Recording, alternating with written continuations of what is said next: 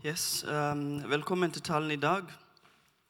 For mange av dere som har vært på, um, på vekstgruppesamlinger, um, så har dere sett at uh, vi tar utgangspunktet i 2. Mosebok uh, kapittel 2, vers 1-10. Og det er hovedsakelig der uh, talen min skal ligge i dag. Um, det har vært en tekst som, uh, som har utfordret meg. Um, og jeg kommer nok til å si, litt om det, men, men um, ofte så tenker man på Gamle testamentet som um, ja, det er gammelt, uh, vanskelig å forstå, um, uh, vanskelig å fordøye og liksom relatere til. Men akkurat denne teksten tror jeg uh, er veldig nokså nærme egentlig vår situasjon. og da håper jeg at i løpet av den tiden hvor, vi hvor jeg deler det, at du liksom tenker litt hva Gud har å si til deg som enkeltindivider når det gjelder denne teksten. Konteksten er at um, over 400 år før uh, denne hendelsen som uh, vi leser om i Andre Mosebok, uh, i kapittel 2, da hadde elleve av Jakobs tolv sønner bestemt seg for å selge broren sin til farao i, i, i Egypt.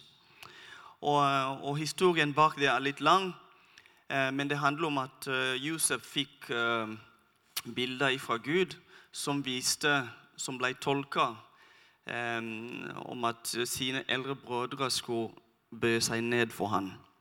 Og det likte de dårlig. Og pga. det så lagde de en plan å selge ham til eh, noen fremmede. Så han endte opp i Egypt. Eh, men Gud var med han. Veldig eh, vanskelige år eh, han gikk gjennom. Men til slutt, til tross for de der tøffe årene som han hadde, så ble han en del av kjernelederskapet i Egypt. Altså i et fremmed land. Noen år seinere ble det hungersnød der hvor familien hans bodde. Og da måtte alle flykte, eller flytte over til der Josef var, og det var i Egypt. Den forflyttelsen der hadde konsekvenser for israelsfolket. De dro Jeg tror eh, Ikke jeg tror, men jeg har lest i Bibelen. Der står det at um, de var jeg tror 70 stykker som reiste alle sammen. Altså De reiste faren Jakob pluss sønnene og familien sine. De var 70 stykk til sammen. Og Gud var med dem. Og det står at uh, i, mos, i andre Mosebok kapittel 1 uh, vers 7 så står det at Israel, israelittene uh, var fruktbare, de økte og ble mange og svært tallrike. Hele landet ble full av dem. Og det gikk det veldig mange år for å komme dit. Men vi ser at Gud velsigner dem på en spesiell måte selv om de var i et fremmed land. Etter hvert så døde egyptere som kjente Josef. Josef sjøl døde, hans brødre døde. Så gikk det mange generasjoner. En gang så kom det en konge som ikke kjente noe til Josef. Hadde ikke noe forhold til han. Um, og Det står i uh, første kapittel vers 8 at uh, han visste ikke om, Jesus, om, om, om, Josef. Og da begynte utfordringene å melde seg. Den nye kongen sa til sitt folk uh, Jeg ser at israelfolka blir for store for oss, og de blir tallrike. Kom, la oss gå klokt til verks mot dem, så de ikke blir enda flere.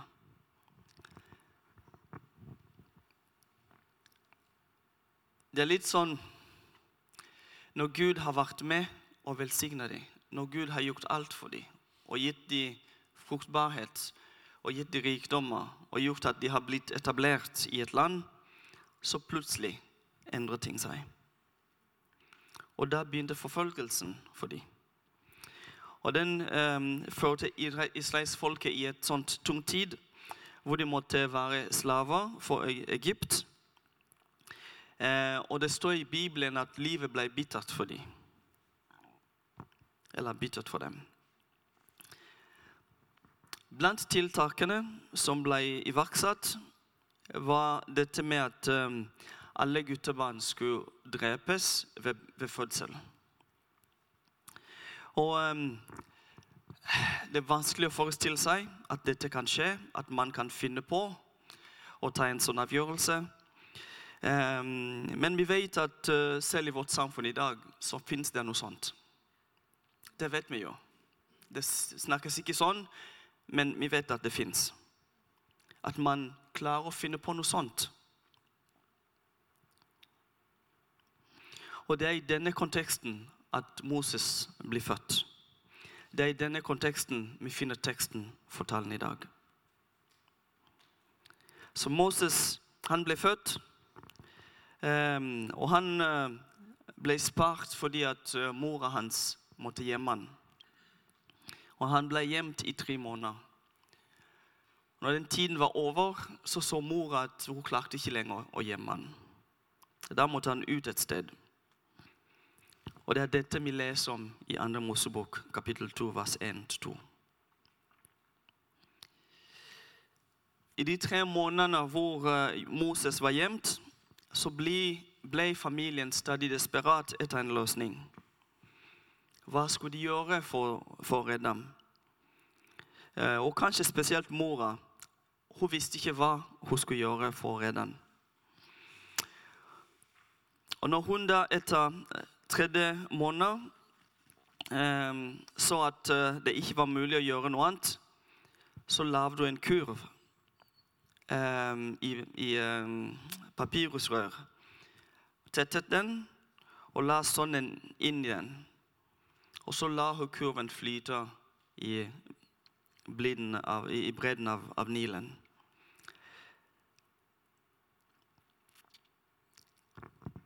Det står i eh, vers 2-4, vers 4, der står det at søsteren hans stilte seg et stykke unna for å se hva som vil skje med ham. Det endte med at kurven med Moses i ble oppdaget av faraos datter. Og gjennom tips fra hans egen søster, så ble Moses levert tilbake til mora for amming.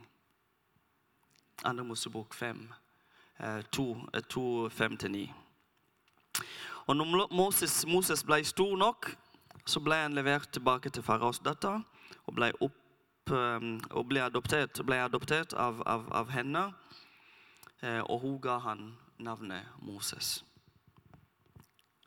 Vasti.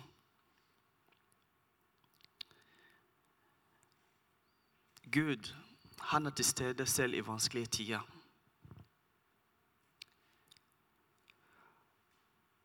Og jeg skjønte i vekstgruppa når vi hadde vekst opp på torsdag, jeg skjønte at det kan tolkes Denne teksten kan vinkles i mange forskjellige måter. Men um, for min del så vil jeg ha fokus på to ting. Den ene er å lære hva, hvordan vi kan relatere til historien i dag og jeg har nevnt allerede noen ting. Dette med at et helt samfunn glemmer Gud.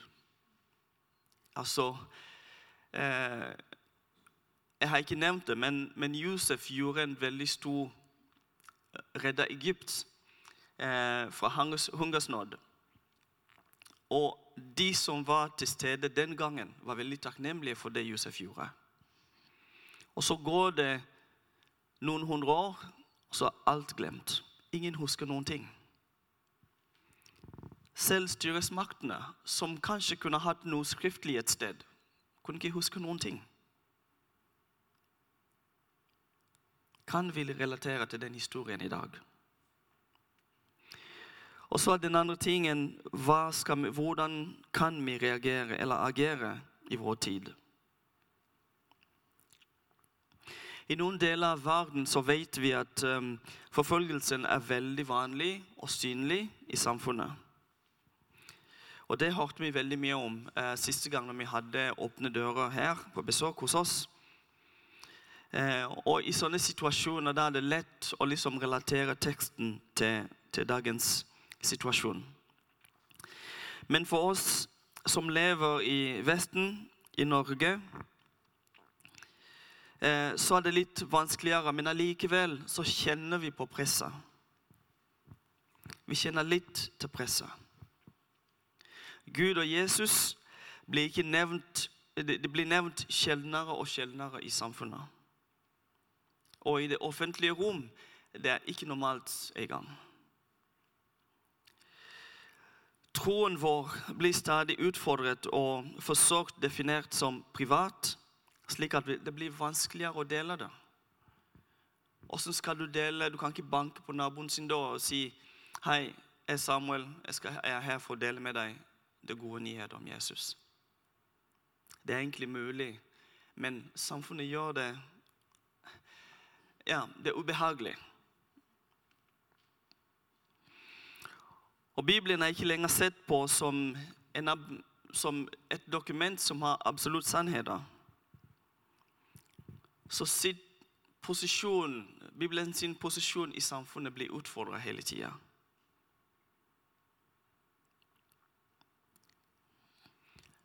Hvis vi stiller oss spørsmålet vet våre myndigheter virkelig om Jesus? Har de noe kjennskap til Jesus? Har en forståelse for Jesus og det han gjorde?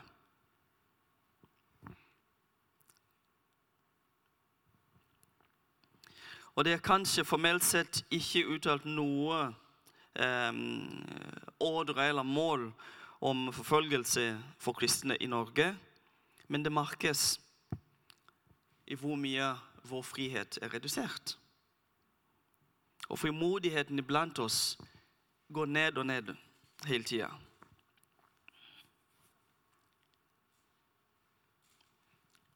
Og hvis eh, vi tror Bibelen sånn som vi gjør, så vet vi at det kommer til å bli verre. Jo nærmere vi kommer til Jesu komme, jo verre det blir. Og da gjelder det for oss som kristne å forberede oss. For da må, vi, må vi tenke hvordan vi skal håndtere det når forfølgelsen blir tydeligere og tydeligere i vårt samfunn. Vi er kalt til å gå ut med evangeliet, så vi kan ikke velge å gjemme oss. Dette med å gjemme oss er ikke noe valg for oss. Vi skal være ute, selv i vanskelige tider. Vi skal være ute. Men der må vi være kloke. Det kan være at vi blir nødt til å ta noen uvanlige valg som blir vanskelig eh, for til og med våre medkristne å forstå. Jeg kan ikke tro at um, hun mora til Josef fikk uh, stående applaus når hun sa at hun skulle lage en kurv og sette sønnen ut, i, ut på vannet alene. Men det er en avgjørelse man, man må ta i situasjoner, i en vanskelig situasjon. Hun måtte likevel ta, valg, de, ta det valget og gjennomføre det. Det er ikke normalt å eksponere sitt eget barn til en sånn risiko. Men hvis det blir nødvendig, så må man gjøre det. Og Sånn tenker jeg vi kristne må forberede oss. Det kommer en tid hvor vi blir tvunget til å gjøre ting vi ellers ikke hadde gjort. Hvor vi ikke vil ha muligheten til å gjemme oss, men å liksom face it. Jeg har ofte tenkt at uh, visdom uh, det er noe som ligger sånn intellektuelt og besittet av mennesker som har kapasitet, tenkekapasitet store tenkekapasitet. Og det er jo vel eh, Det er, det er riktig, det. Eh, spesielt hvis du ser på, um, på kong Solomon, f.eks., som var veldig vis. Han, han fikk visdom i, rik, i rikt mål. Men visdom kan også vises i det praktiske eh, livet som vi lever. Visdom er egentlig evnen til å kombinere kunnskap og erfaring for å få ut noe nytt. Um, jeg har stilt meg spørsmålet når jeg leser teksten, kunne jeg koblet, kunne jeg ha klart å koble kunnskapen og erfaring om kongens, um, kongens harde holdning til israel, israelittene og Guds kjærlighet for dem, sammen med faraos datters rutiner, kveldsrutiner, hadde jeg klart å koble de tingene. Altså at Hvis jeg klarer å sette sønnen min på vannet, kanskje når hun kommer på kveldstida på tur, vil hun oppdage han. Hadde man klart å tenke sånn? Jeg tenker at det er visdommen. Og det er en visdom som kommer ifra Gud. Det er ikke noe man finner på sjøl.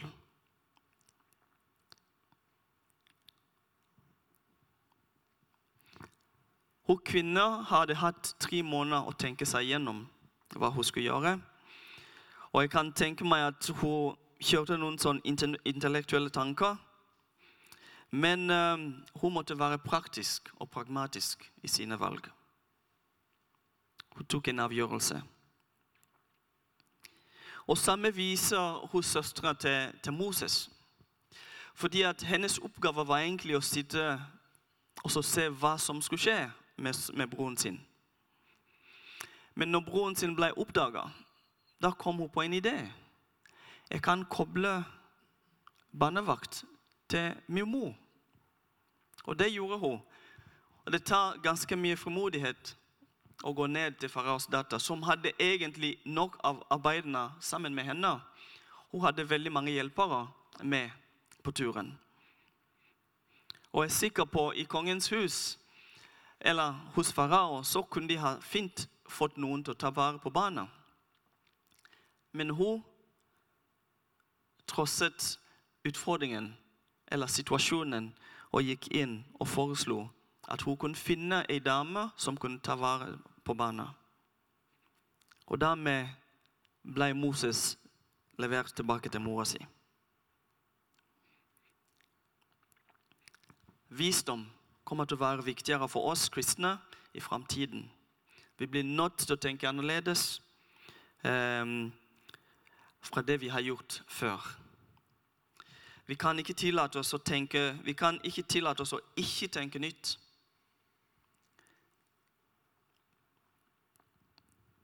Fordi at alt rundt oss endrer seg. Ting endrer seg veldig fort egentlig rundt oss. Og vi kan ikke tillate oss friheten til å liksom sitte tilbake og bare vente.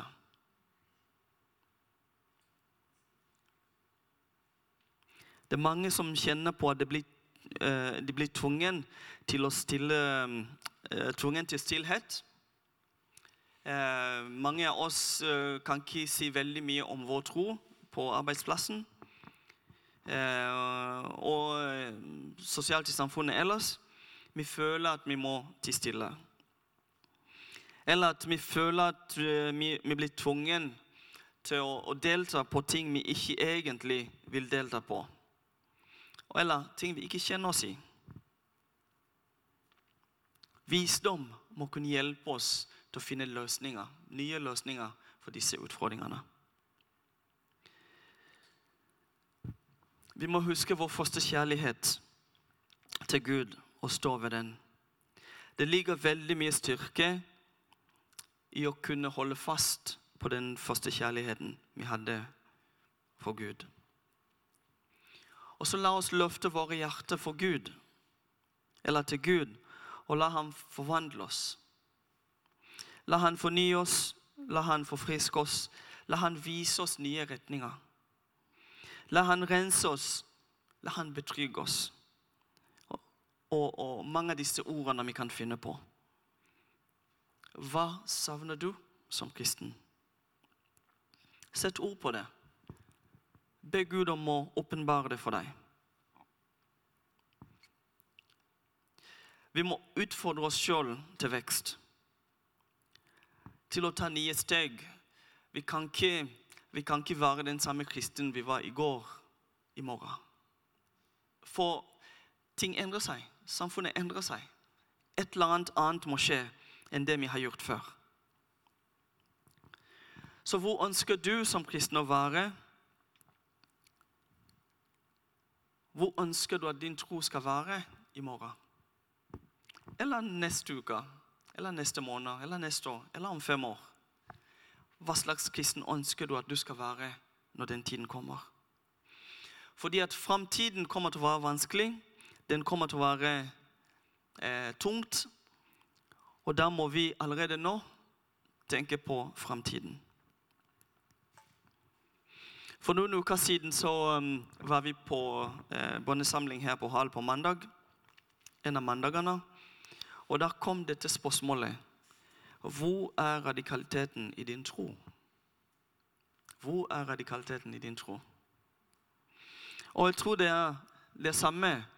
Ikke sant? Vi er et samfunn som stadig vekk husker veldig lite om Jesus.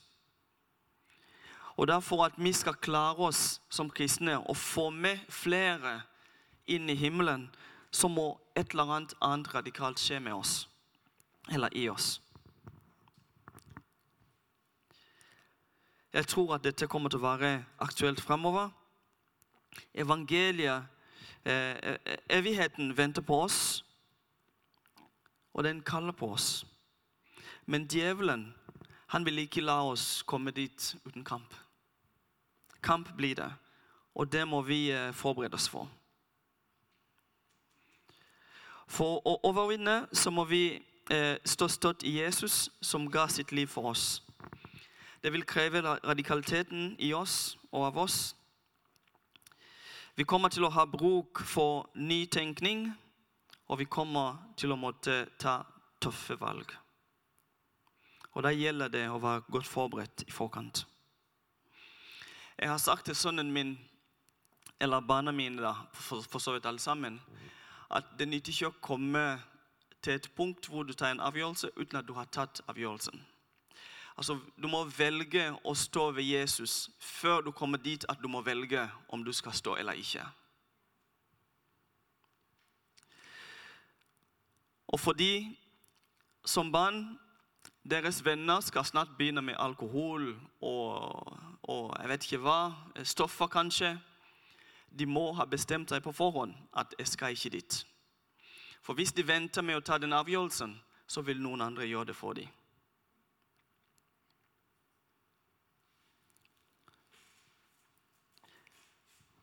Men det betyr òg at vi må, vi må Eh, det betyr at vi også blir eksponert eh, for risiko på å feil. Vi må være villige til å ta en feil. Når Mosemor satte han på vannet, så var ikke hun helt sikker på at det kom til å gå bra. Hadde hun visst at det kom sikkert til å gå bra, så hadde hun ikke latt søsteren hans sitte og vente og se hva som skulle skje. Da hadde hun bare trodd at ok, han er på vannet, han er trygg. Nei, det var en risiko hun tok. Og den eksponering til risiko for feil, den må vi eh, tillate oss sjøl òg. Fordi at framtiden blir annerledes. Det vi har erfart fra før av, kanskje ikke gjelder i framtiden. Og da må vi være villige til å prøve noe nytt.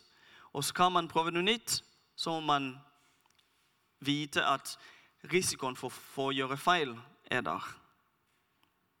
Så vi må ikke være redd for å eksponere oss sjøl til den risikoen for å få feile.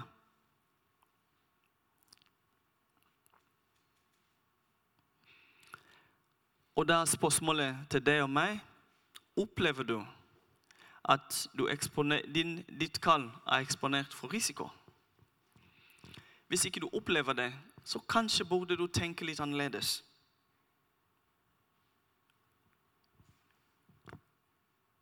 Kanskje er det på tide å begynne å tenke kan jeg, hva, hva, annet kan jeg gjøre nytt for å komme meg videre med kallet mitt?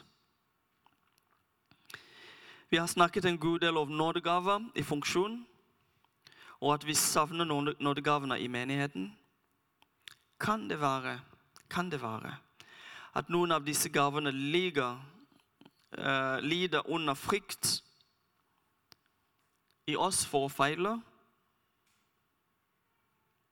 Altså, Jeg tror at disse gavene ligger i oss et sted. Vi er mange. Og Magne minnet oss um, på, um, på torsdag på vekstgruppa at de første menighetene var ganske små.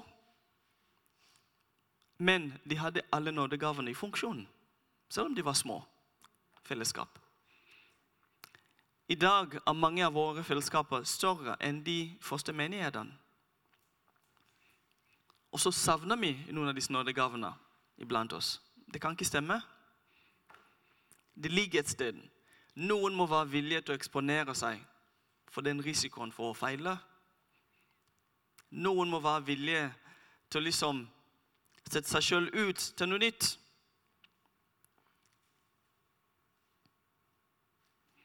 Så det fins mange paralleller mellom den historien vi har lest i dag, eller jeg har fortalt om i dag, og dagens situasjon for oss som kristne. Visdom, den evnen til å bruke kunnskap og erfaring til å skape noe nytt, kommer til å være viktig for oss fremover.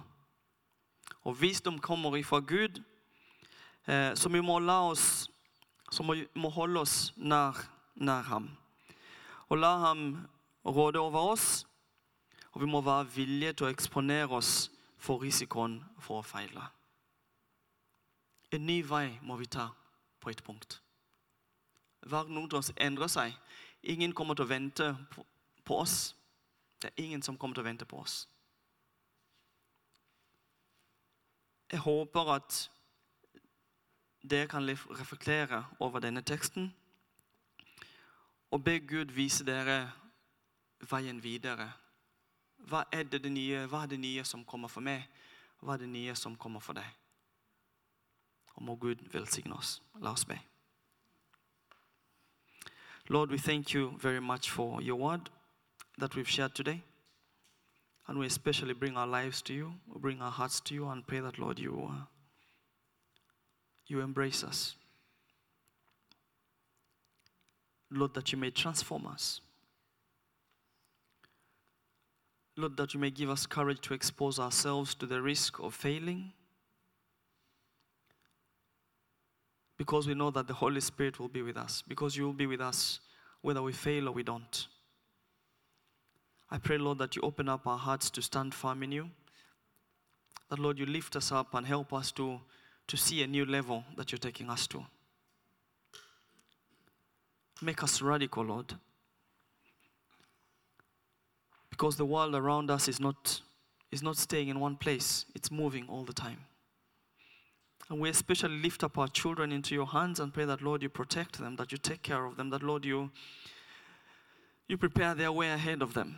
Because we know that it's going to be even tougher for them than it is for us. Lord, may you release your Holy Spirit upon them. And we pray especially for the teachers in Sunday school who are helping them to understand who you are. That, Lord, you give them a special grace and anointing to explain your word to them. Then I pray, Lord, that you forgive us for our sins, Lord. Especially for this thing that we are so scared of losing our comforts. Father, forgive us. Because Jesus, you, you accepted to lose your comfort in heaven to come and die for us that we may be able to, to get a bit of heaven, a taste of glory. And yet, Lord, on our own, we're not willing to give ourselves to you that much. Lord, may your Spirit pour out upon us and lead us in the direction you want us to go. Give us a new step, give us a new level, give us a renewed mind, Lord. For we know that you can. In Jesus' name we pray. Amen.